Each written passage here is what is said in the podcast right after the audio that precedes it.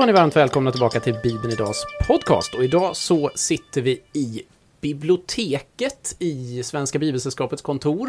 Eh, Det är massor med gamla volymer som omger oss och får vara någon slags ljuddämpning. Det är inte en massa madrasser som förra gången.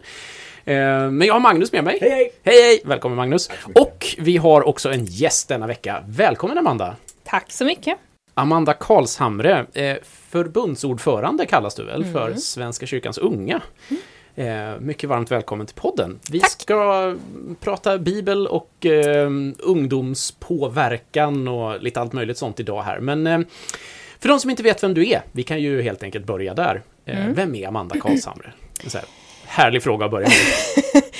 Eh, Amanda Karlshamre är en eh, 27-årig eh, tjej från Skara. Skara-stiftare är jag.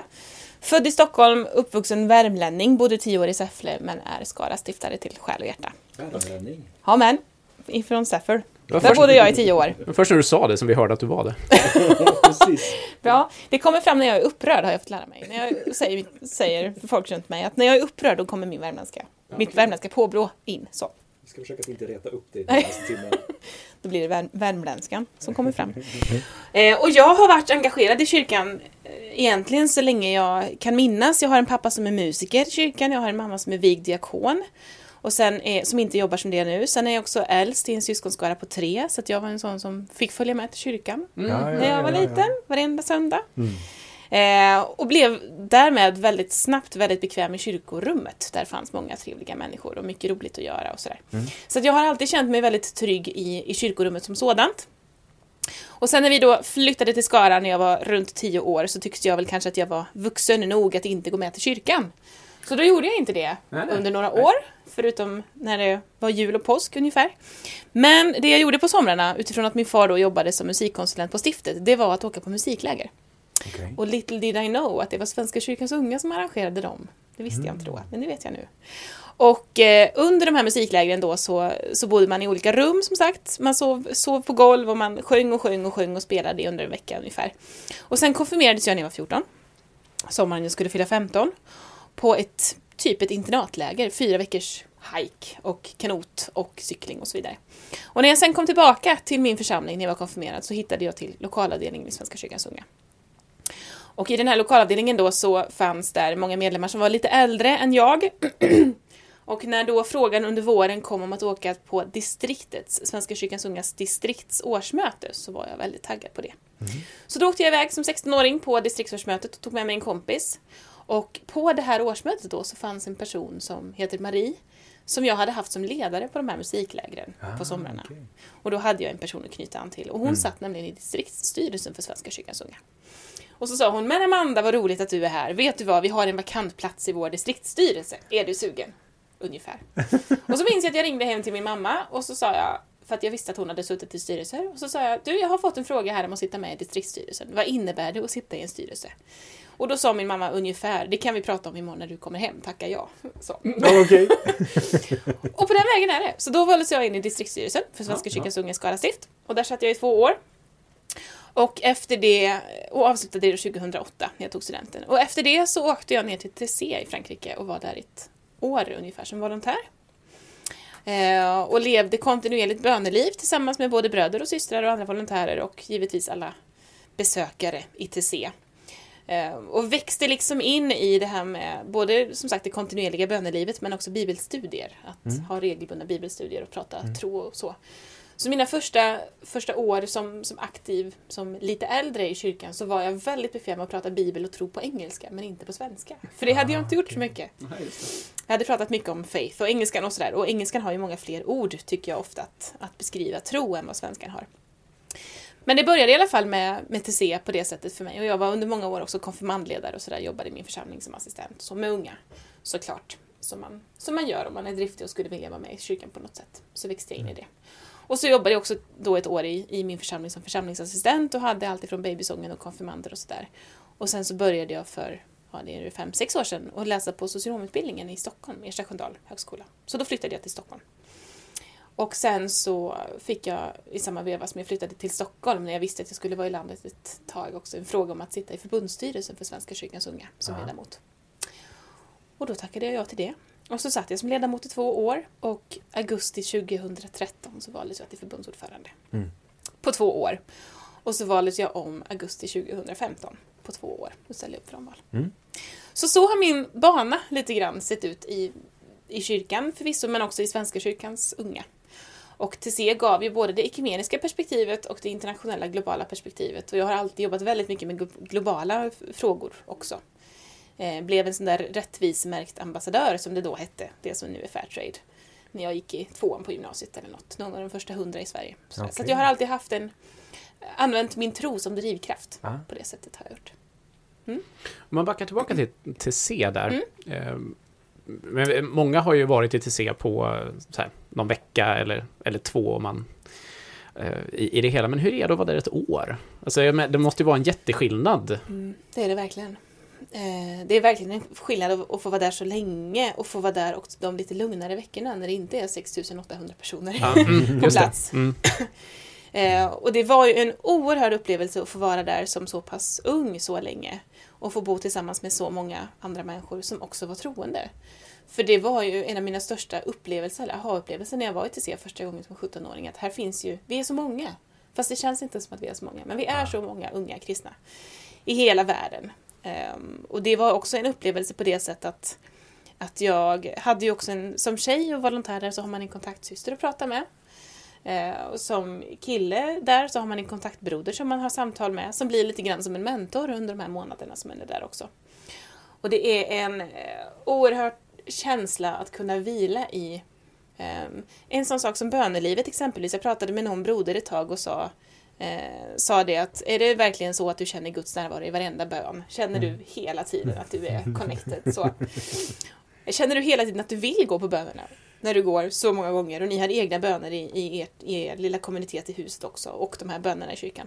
Och så sa han det att nej, det är klart att det inte alltid känns som att det är läge att gå och be. Men samtidigt så blir det också en vila i att ha det här kontinuerliga bönelivet. Att även om jag kanske är trött och tankarna svävar iväg på vad jag ska äta till lunch och sådär, vad händer sen och vad ska jag göra i eftermiddag? Under middagsbönen så vet jag att jag kommer att få ett nytt tillfälle ikväll till att också samla mig i bön. Just det. Och just att ha den här, den här medvetenheten på något sätt om att, att, eh, att leva i ständig eh, möjlighet till den sortens kollektiva bön som det ändå är i ETC var för mig en oerhörd trygghet, vilket också gjorde att jag vilade väldigt mycket i det bönelivet på det sättet att jag eh, Ja men det blev verkligen sådär, bevara ordningen så ska ordningen bevara dig.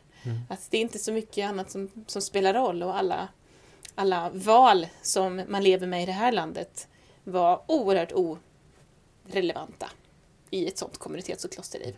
Fungerar det likadant med, med, med bibelläsning också? Har man tider för det också? Mm, det har man. Som volontär så tror jag, på min tid så var det på tisdagar och fredagar så hade man bibelstudium med en broder. Okej. Hela volontärgruppen. Eh, och är man där som volontär så, så jobbar man ju mellan alla bönerna, precis som bröderna gör. Jag blev ganska snabbt matansvarig. Jag tycker inte om att laga mat. jag tycker om att äta mat, men jag tycker inte om att laga mat. Men jag har alltid varit ganska duktig på det här med samordning och koordination och ledarskap och sådär. Ja. Och det såg väl kanske bröderna och systrarna. Så att när det var dags för påsk så hade de eh, kört in mig i att vara matansvarig till C. Så när jag var 20 bast så serverade jag, jag tror att vi var ungefär 6800 då på fältet på en och en halv timme. Laga mat på en och en halv timme till alla dessa Yeah. människor. Det är lite Jesus feeling sådär. Det, det är Nobelfesttid. Ja, det är så häftigt. Bra jobbat. Så häftigt att få eh, att där och då vuxna människor bara förutsätter att unga fixar det här. Så då blev jag matansvarig och jag fick köra traktor med släp och köra sopor och det är sådär Sånt som man tänker att i Sverige så kanske det hade krävts sju år i kockutbildning och riskanalyser och, och säkert arbetsrätt och liksom allt det där. Men inte se så bara litar man på att det funkar. Det kommer att gå. För vi är kompetenta människor som vill göra gott tillsammans Mm. och vi hjälps åt. Så, så det är en, en av de absolut största, eh, något av det största som jag bär med mig. Det är ju dels bönelivet givetvis från TC, men också det här att, att våga lita på andra människors förmåga. För bröderna säger att du verkar vara en lämplig person, kör! Så. Och sen så hoppas man att det funkar tillsammans. Och det gör det varenda gång. Mm. Varenda, varenda gång. Mm. Så det blev ett litet sånt talspråk bland volontärerna att eh, We will see, det är liksom det man säger oftast i TC, det löser sig. Mm. Eller just det, att det löser sig. På mängder av olika språk säger man det också, men det, det är på något sätt det andas till se att det blir som det ska. Okej. Och det som också är gott, det är ju att det är ett, vi är där tidsbegränsade allihop.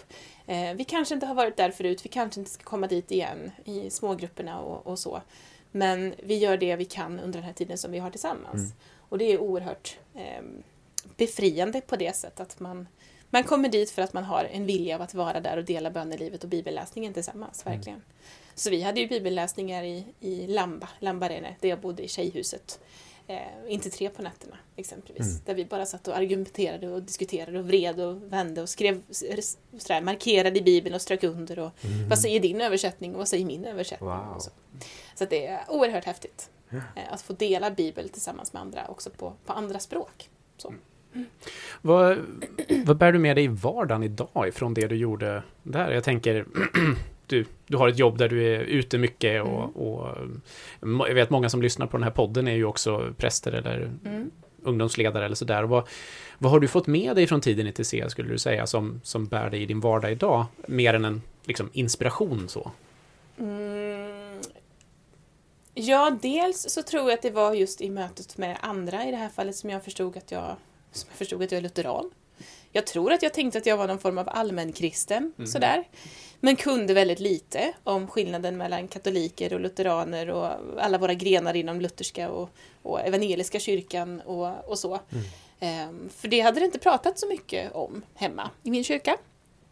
Och det var faktiskt så att senast nu för ett par år sedan när det här dokumentet från Conflict to Communion kom, som handlade just om fem imperativen från konflikt till gemenskap, inför det som hände i Lund i höstas, den 31 oktober.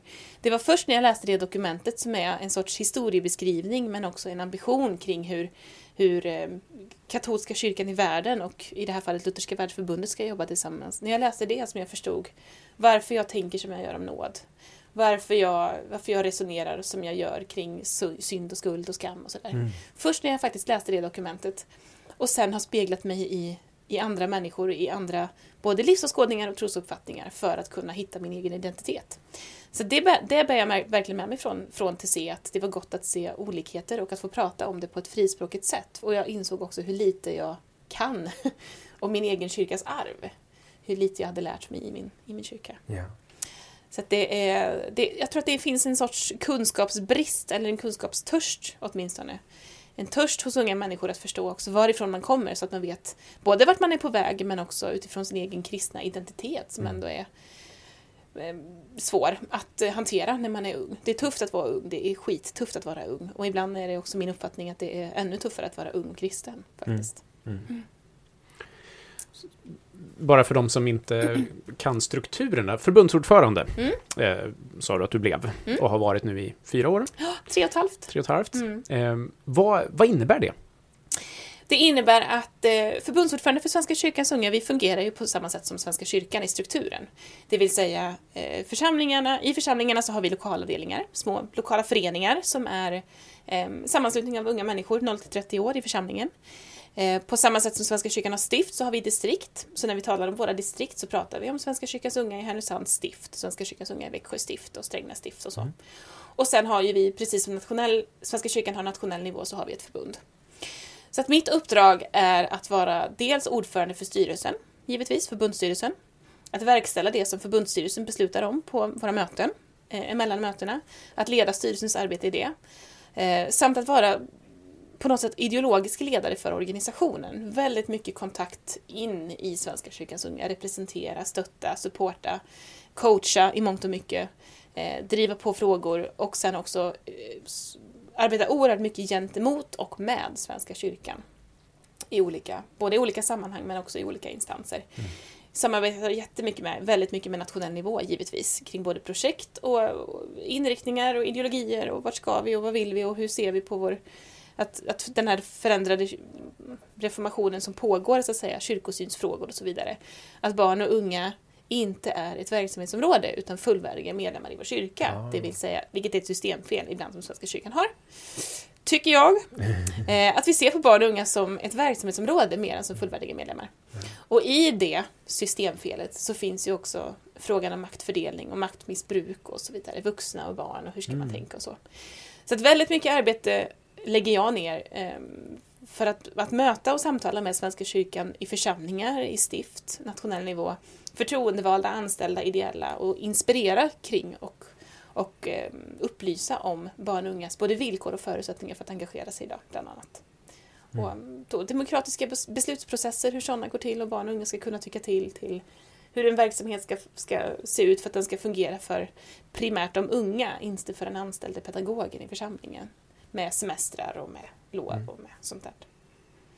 Och sen också eh, så är ju vi eh, en relativt stor barn och ungdomsorganisation. Vi är 14 000 ungefär medlemmar i hela landet. Och vi växer, vilket är fantastiskt. Vi ökar i medlemsantal. Det är jätteroligt. Det är roligt. Det är jätte, jätteroligt. Och det gör ju också att vi är en av, en av de större barn och ungdomsorganisationerna i Sverige.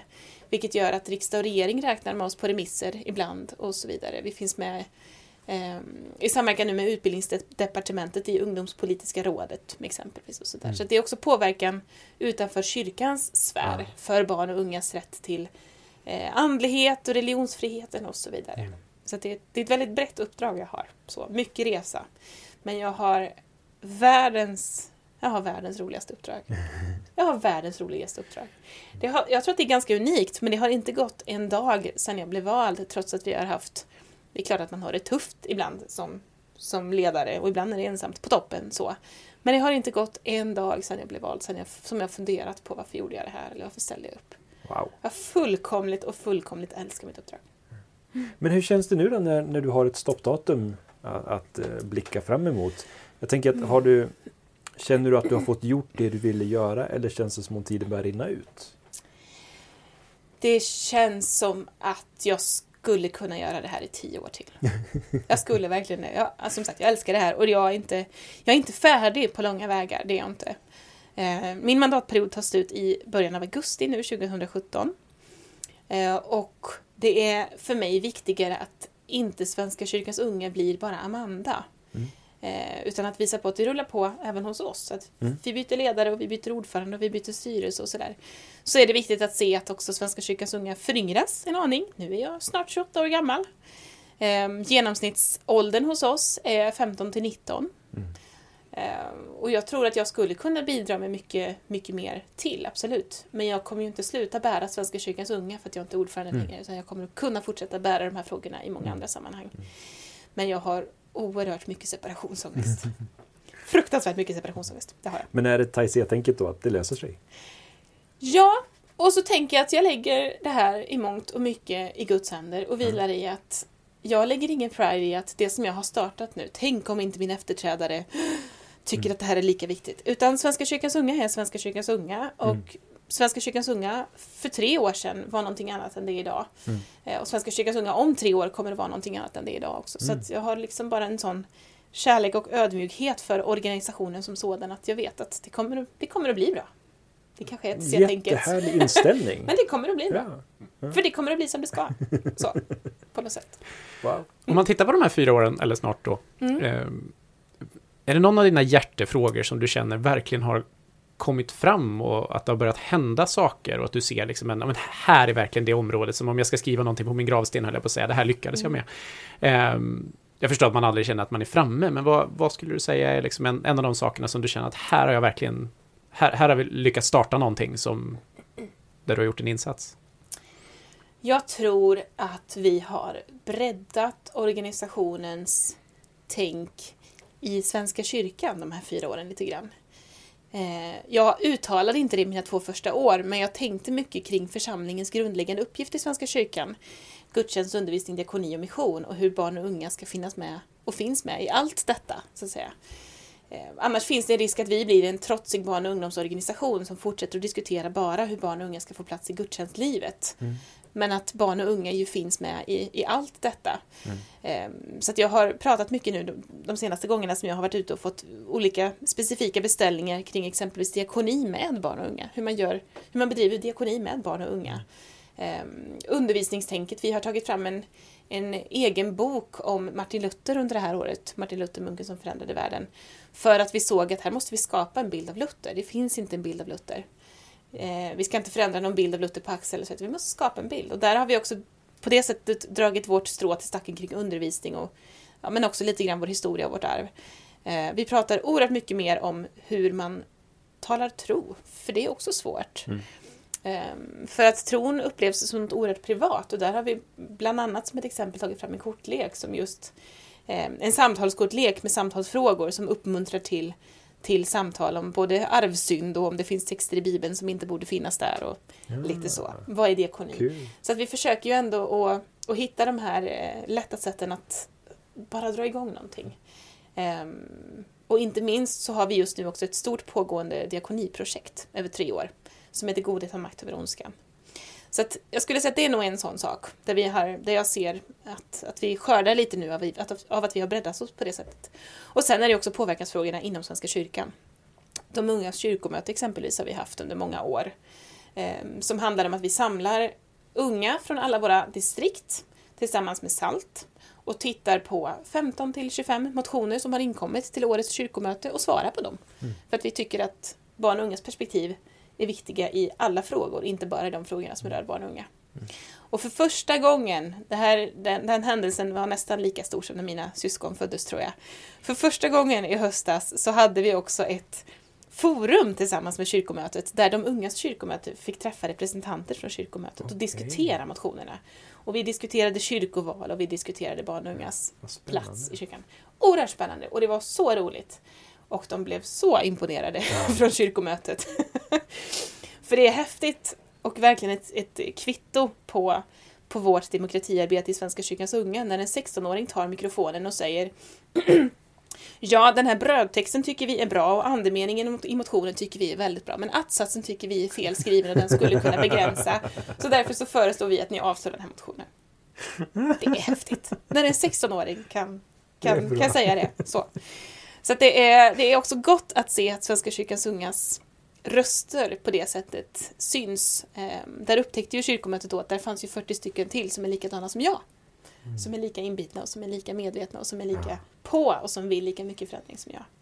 Så det är kanske en sån sak som jag skulle vilja skriva på min gravsten. Kring forumet faktiskt. Det var oerhört häftigt och det kommer att ske i år igen. Om man då vänder på steken, Mm vad, vad känner du är, är sånt som... Ah, den här frågan har jag inte riktigt lyckats ge den uppmärksamhet som jag skulle vilja eller fått människor att fundera kring. Man måste ju prioritera bort saker som ändå kan ligga på hjärtat. Liksom. Ja, det måste man ju.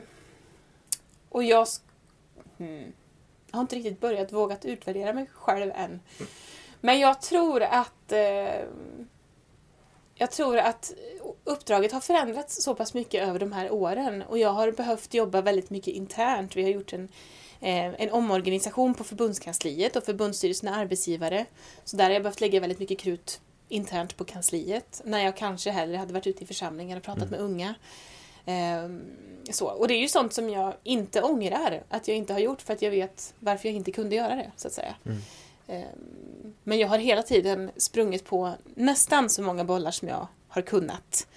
Eh, och tackat ja till nästan så mycket som jag har kunnat. Men har också lärt mig mina begränsningar de här åren. Mm. Så är det ju. Så är det ju. Och det, i ett sånt här uppdrag, jag menar jag jobbar ju 9 till 5 när vi vuxna har office hours och sitter på kansliet och, och, och representerar och sitter i nätverksmöten och, och projektmöten och sådär. Och så jobbar jag kvällar och helger när vi unga är lediga för då har vi styrelsemöten och läger och utbildningar och, och så vidare. Så att det är ju påfrestande på det sättet. Men jag tror ju att jag har fått en unik bild av Svenska kyrkan. Eh, genom att jag har samtalat så pass mycket med, med vad Svenska kyrkan kallar för sina nivåer på det sättet. Eh, Mm. Ändå.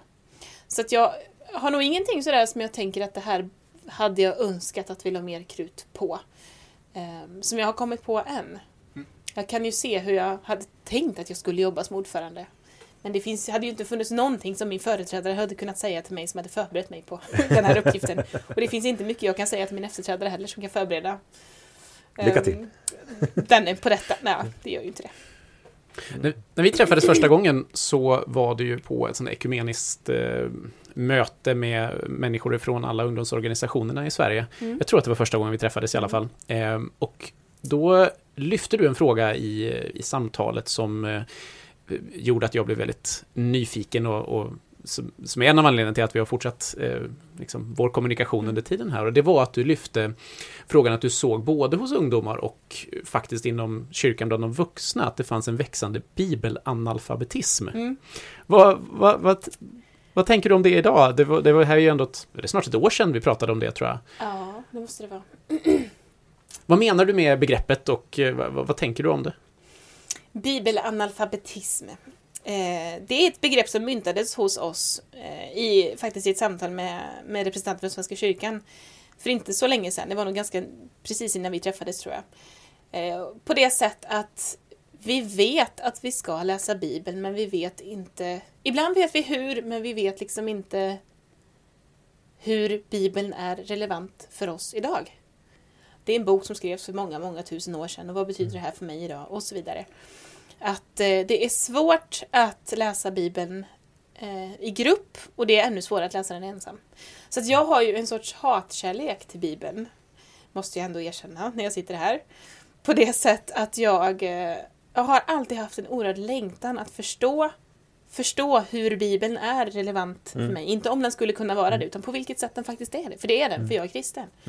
Um, och därmed också hitta, hitta sätt att, att jobba mig in i Bibeln. Um, så, så att jag känner att jag kan behärska den, att jag också kan, kan tolka den. Eh, och det lutherska tänket i det är ju givetvis att Bibeln finns på svenska och vi ska vara fria att göra våra egna tolkningar. Vi ska inte vara beroende av en präst som är liksom relationen mellan oss och Gud, utan jag kan ha en egen personlig relation med Gud genom min bibelläsning. Och det där är, det där är svårt. Eh, och ja, för att dra upp till C igen så blev ju eh, TC-sångerna exempelvis, som ofta är just bibelverser eh, i melod melodiska liksom tolkningar. Eh, det blev en sån sak som jag började gå runt och nynna på TC-sånger för att liksom påminna mig själv om det. Jag har en, en tatuerad liten Ishtyrs-fisk precis på min vänstra, min vänstra armled som gör att jag ser den så fort jag tvättar händerna. Mm. Eh, I mina tofflor på förbundskansliet så har jag ritat små ljus, eller om det är solar, för att påminna mig om att ditt ord är mina fötters lykta. Jag har liksom lurat mig själv in i Bibeln. Smart. På det sättet Kul. har jag gjort. För att hitta små sätt att hela tiden knyta an till. Och sen har jag själv jobbat väldigt mycket med att stryka under i Bibeln och markera och sätta frågetecken och utropstecken. Och nu känner jag mig ju så pass trygg i min, så att säga, kristna identitet, om det finns en sån. eh, Att jag skulle kunna prata Bibeln med vem som helst, för jag kan Mm. också vara ödmjuk inför att jag kan inte så mycket, för jag har inte läst en enda poäng teologi. Eh, Men där är också skillnaden mellan att religion och historia, där kan vi väldigt olika mycket i vår kyrka. Vi har läst olika mycket. Men tron är varje morgon ny. Och tron genom Bibeln kan man därmed prata om, prata om varje dag. Men jag har- tycker mig ha upplevt någon form av beröringsskräck fa- faktiskt inför Bibeln. Eh, på det sättet att det är så mycket som eh, både förkastas men som också inte sätts i sin kontext.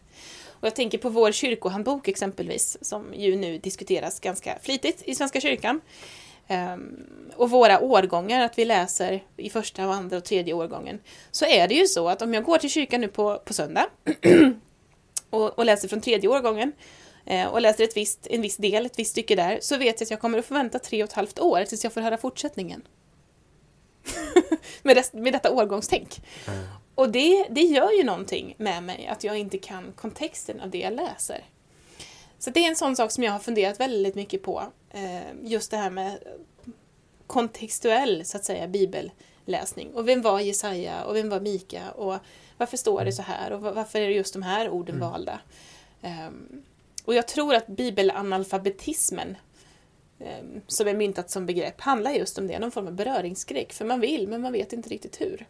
Eh, Och jag gjorde faktiskt så, jag var på en konferens i, i våras som heter Bibeln mitt i allt i Göteborg. Där jag var en av inledningstalarna. Det var jag tillsammans med ärkebiskop Antje Jackelén och eh, Anders Blåberg, eh, generalsekreterare för Svenska Bibelsällskapet, som skulle inledningstala. och jag hade fått i uppdrag då att tala om eh, Bibeln som, eh, som källa till livsmod i vardagen ungefär. Och jag hade skrivit ett föredrag som jag, utifrån mig själv då, hur jag skulle vilja använda Bibeln som livsmod i vardagen.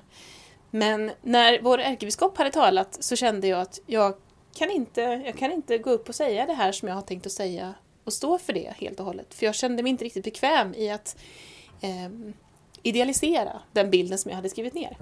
Så jag gick upp på scen, tog mikrofonen, tog bara med mig min lilla bibel och lämnade mitt manus på stolen Bre- mellan då Vågat. ärkebiskop Antje och Anders och så sa jag att nu ligger mitt manus kvar på stolen. nu ska jag säga något som jag inte har sagt förut. Jag har en hatkärlek till Bibeln. Och så började jag där och så berättade jag hur svårt jag har tyckt att det har varit att jobba med Bibeln. Ja. Men vilken längtan som finns.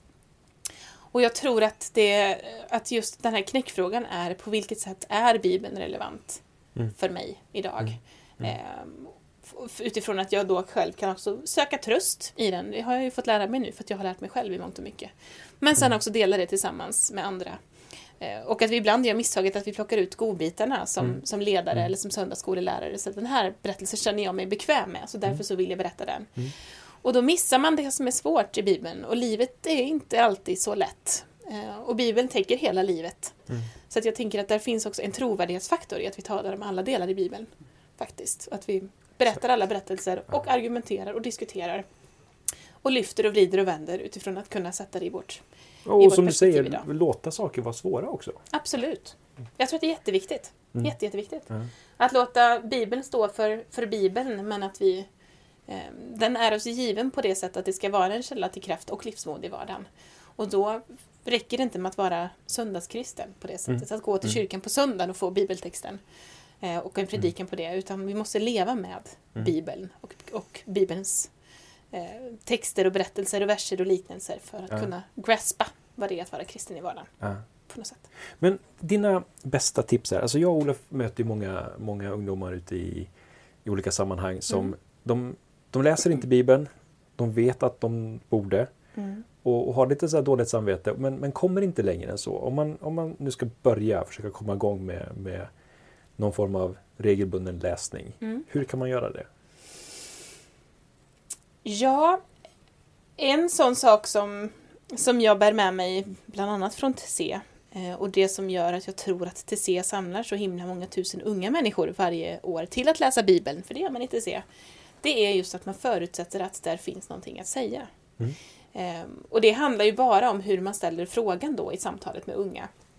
Om jag skulle ge dig en, en bibelberättelse här så, kan, så skulle jag kunna formulera mig som Tänker du någonting om den här berättelsen överhuvudtaget? Väcker det någon form av känsla i dig? Kanske, det kan, det kan vara lite svårt, men jag vill ju inte klampa in på ditt revir, så du får säga vad du vill. Istället för att säga, här har du texten, vad tänker du om den här? Att förutsätta att du tänker någonting, att förutsätta Ja. att du, du relaterar till den här texten. Och där är bland andra då TC väldigt duktiga på att ställa de spetsiga frågorna som gör att man måste till ett svar. Mm. Ehm, och det är ju också så, som jag som har jobbat mycket med konfirmander också, att ställer man, ställer man frågan en gång till en konfirmand som aldrig har varit i kyrkan förut, eh, så kanske man kan få ett sånt där, en sån där, ett, antingen en motfråga eller ett svar som man tänker att det var ju, hallå, hörru du, du kan bättre så. På första försöket. Men ställer man frågan en gång till så visar man både ett, jag vill lyssna på det du har att säga.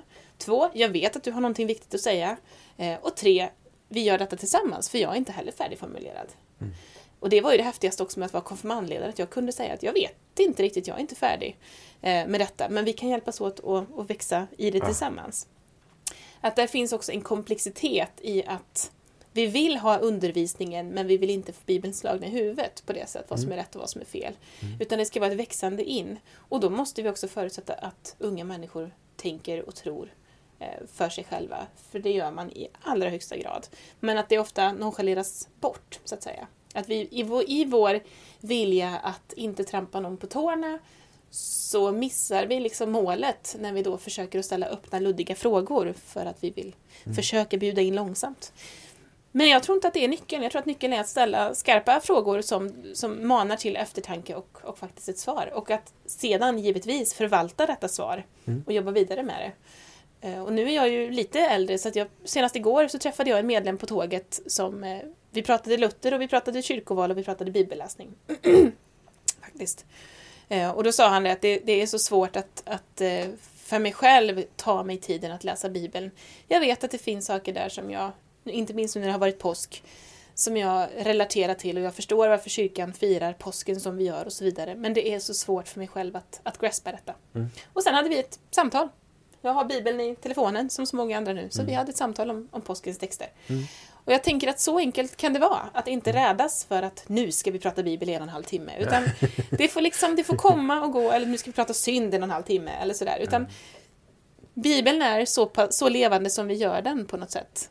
Ehm, och Bibelns berättelser, jag tänker att vi lever i dem. Och kyrkoårets teman likaså. Jag älskar kyrkoårets teman. Eh, allt ifrån frälsningen till trons kraft till sådär. Det finns hur mycket Mm. som helst som vi kan göra med det i Mm. vardagen. Mm. Om vi eh, slutar upp med att vara så kallade söndagskristna och, Mm. och liksom vågar peta in bibel och eh, bön i, i vardagen så att säga. Mm. Mm. Så att en frimodighet i det här med hur vi ställer frågorna tänker jag kan vara en att förutsätta att unga människor Jättebra. tror. Ja. För det gör Du blir inbjuden till ett arbetslag här nu Svenska kyrkan. Mm. Ehm, och de säger, men kan du, du, du kan få komma hit. Mm. Och så säger den inbjudande pedagogen till dig att, ja men jag skulle vilja att du eh, tar en fråga och så utmanar du oss ordentligt på den frågan. Ehm, vad väljer du att tala om då? Du vet ingenting om församlingen nu. Du vet att det är en församling i Svenska kyrkan. Ja, Ehm, och du vet att de jobbar med barn och unga. För det gör, gör de liksom. ja. Vad, vad skulle du idag välja att tala om? För det antar jag det skiftar. Men ja. Jag skulle nog eh, formulera en fråga som lyder ungefär Inkluderar ni eller serverar ni barn och unga?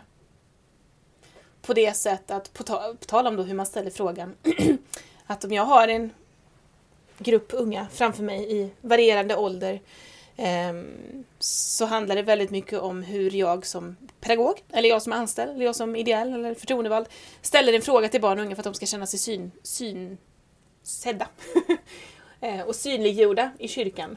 Att det finns unga vuxna och vuxna människor som är förebilder för dem. Ehm, jag tänker att om jag har exempelvis en fyraåring framför mig så skulle jag kunna fråga eh, Vill du ha röd eller gul saft? Men då har jag redan bestämt ett, att du ska dricka, två, att du har två val och tre, att du bara har röd och gul saft att välja mellan. Plötsligt. På tal om den här liksom, maktfördelningen och hur, hur det ser ut med beslutande processer. Och jag skulle också kunna formulera frågan till den här fyraåringen på det sättet antingen vill du ha någonting att dricka? Eller vad skulle du vilja dricka? Och det är ett helt annat tänk, för det är ett inkluderande tänk, det är inte ett serverande tänk. Eh, Och det rör då allt ifrån bibelläsning till barn och ungdomsverksamhet till hur barn och unga syns i gudstjänsten till eh, det här med att vara vardagskristen också. Att är det så att vi i vår verksamhet eh, och i det vi gör som kyrka inkluderar eller serverar barn och unga? Det skulle jag vilja få dem att fundera på, Mm. hur det ser ut hos dem. Intressant. Mm. får du dem att fundera på det? Ja. Det brukar bli en del sådana här aha-upplevelser och obekväma sanningar. Och sådana tycker jag om att komma med. jag tycker det är roligt. Du verkar inte vara rädd för det i alla fall. Nej. Nej. Nej. För jag tror att de outtalade förväntningarna, det är de som är giftiga.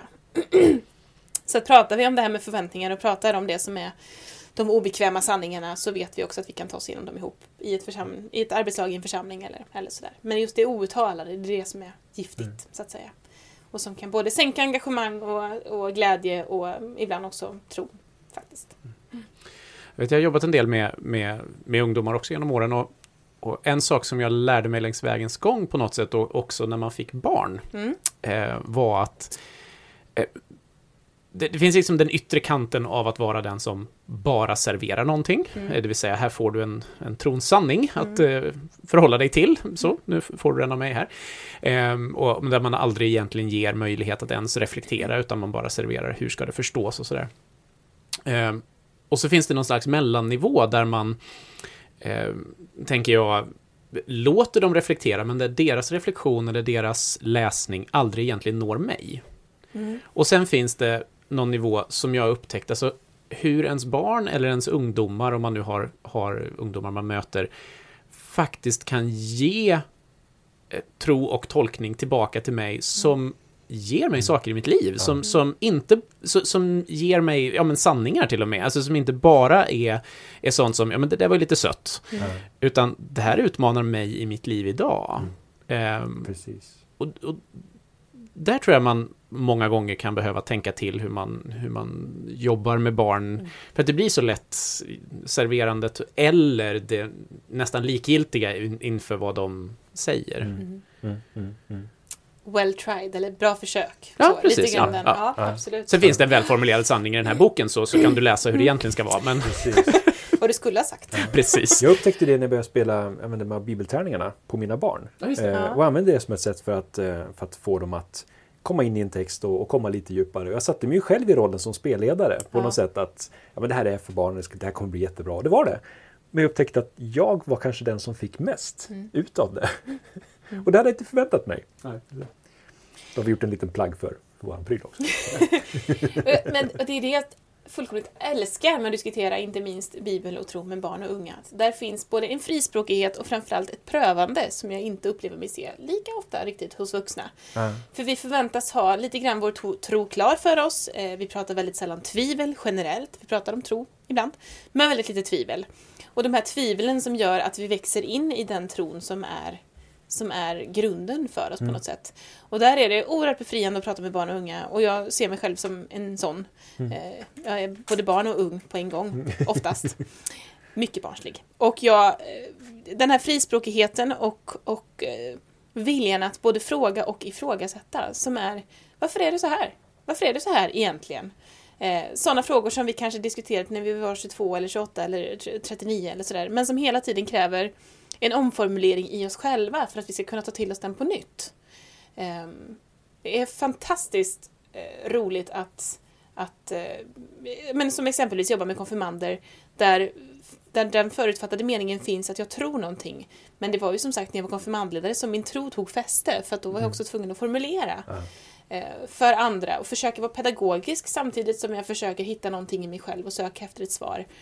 Och vara tydlig med att ja, ja, jag tror inte på allt som står i Bibeln. Jag hade väldigt svårt personligen att tro på Jesus fram tills jag var 22. Varför det nu är lite en, en helt annan sak att fira påsk än vad det var för, för tio år sedan, så, exempelvis. Men att, att våga säga det och att också våga tala om tvivlen med varann gör ju att vi är goda förebilder för barnen. Eh, och visar på att det här är ett växthus som kyrka på det sättet att, att vi, vi, vi lär oss hela tiden av varandra. Och eh, i det, den sortens samtal som så tänker jag också att vi bemyndigar barn och unga på det beroende på vilket sätt vi bemöter dem. Om vi bemöter dem med det var sött sagt eller well tried så växer de inte. Utan då blir de klappade på huvudet och tänker nu gjorde jag bra igen, precis som i skolan. Så. Och så får man liksom ett betyg på det. Istället för att fortsätta formulera, men hur tänker du då? Och, och vad, eh, vad är det som gör, tror du att du känner så här? Eller eh, vet du om att det finns ett begrepp som, som beskriver just det du precis nu pratar om? Så, att, att lära, lära unga att växa in i, i kyrkans sfär på ett tryggt sätt genom samtal. Och där tänker jag att vi har en oerhört, oerhört, oerhört viktigt uppgift, viktig uppgift som, som lite äldre än de som är 4, 5, 6 år. Att, att eh, visa på att vi, vi är inte färdiga. Ingen av oss är färdig. Oavsett om man har en krage på sig eller inte, så är det en biskopskräkla eller vad som helst. Så, så tvivlar även biskopar och även präster och det måste få vara så och det måste vi kunna säga. Mm. Att det inte är så att för att man är exempelvis vigd till präst eller diakon så, så har man fått ett check från vår Herre som säger att du är godkänd, du får undervisa. Det är inte det det handlar om, utan det handlar faktiskt om att, att du har gått en utbildning i hur du ska tolka tillsammans med andra och hjälpa andra att förstå Bibeln, exempelvis. Då. Att det handlar om att hitta verktygen för att lära oss tillsammans. Mm. Om tio år Mm. så besöker du kyrkomötet. Mm. Eh, vad diskuterar man för fråga eller vad är det du ser i kyrkomötet då som eh, är frukten av det du har gjort och som kommer göra dig väldigt glad? Oj, vilken svår fråga. Jag tror, utifrån att jag känner- kyrkomötet en aning nu, att många av de frågorna som diskuteras nu kommer att diskuteras om tio år. Det tror jag. Det tror jag.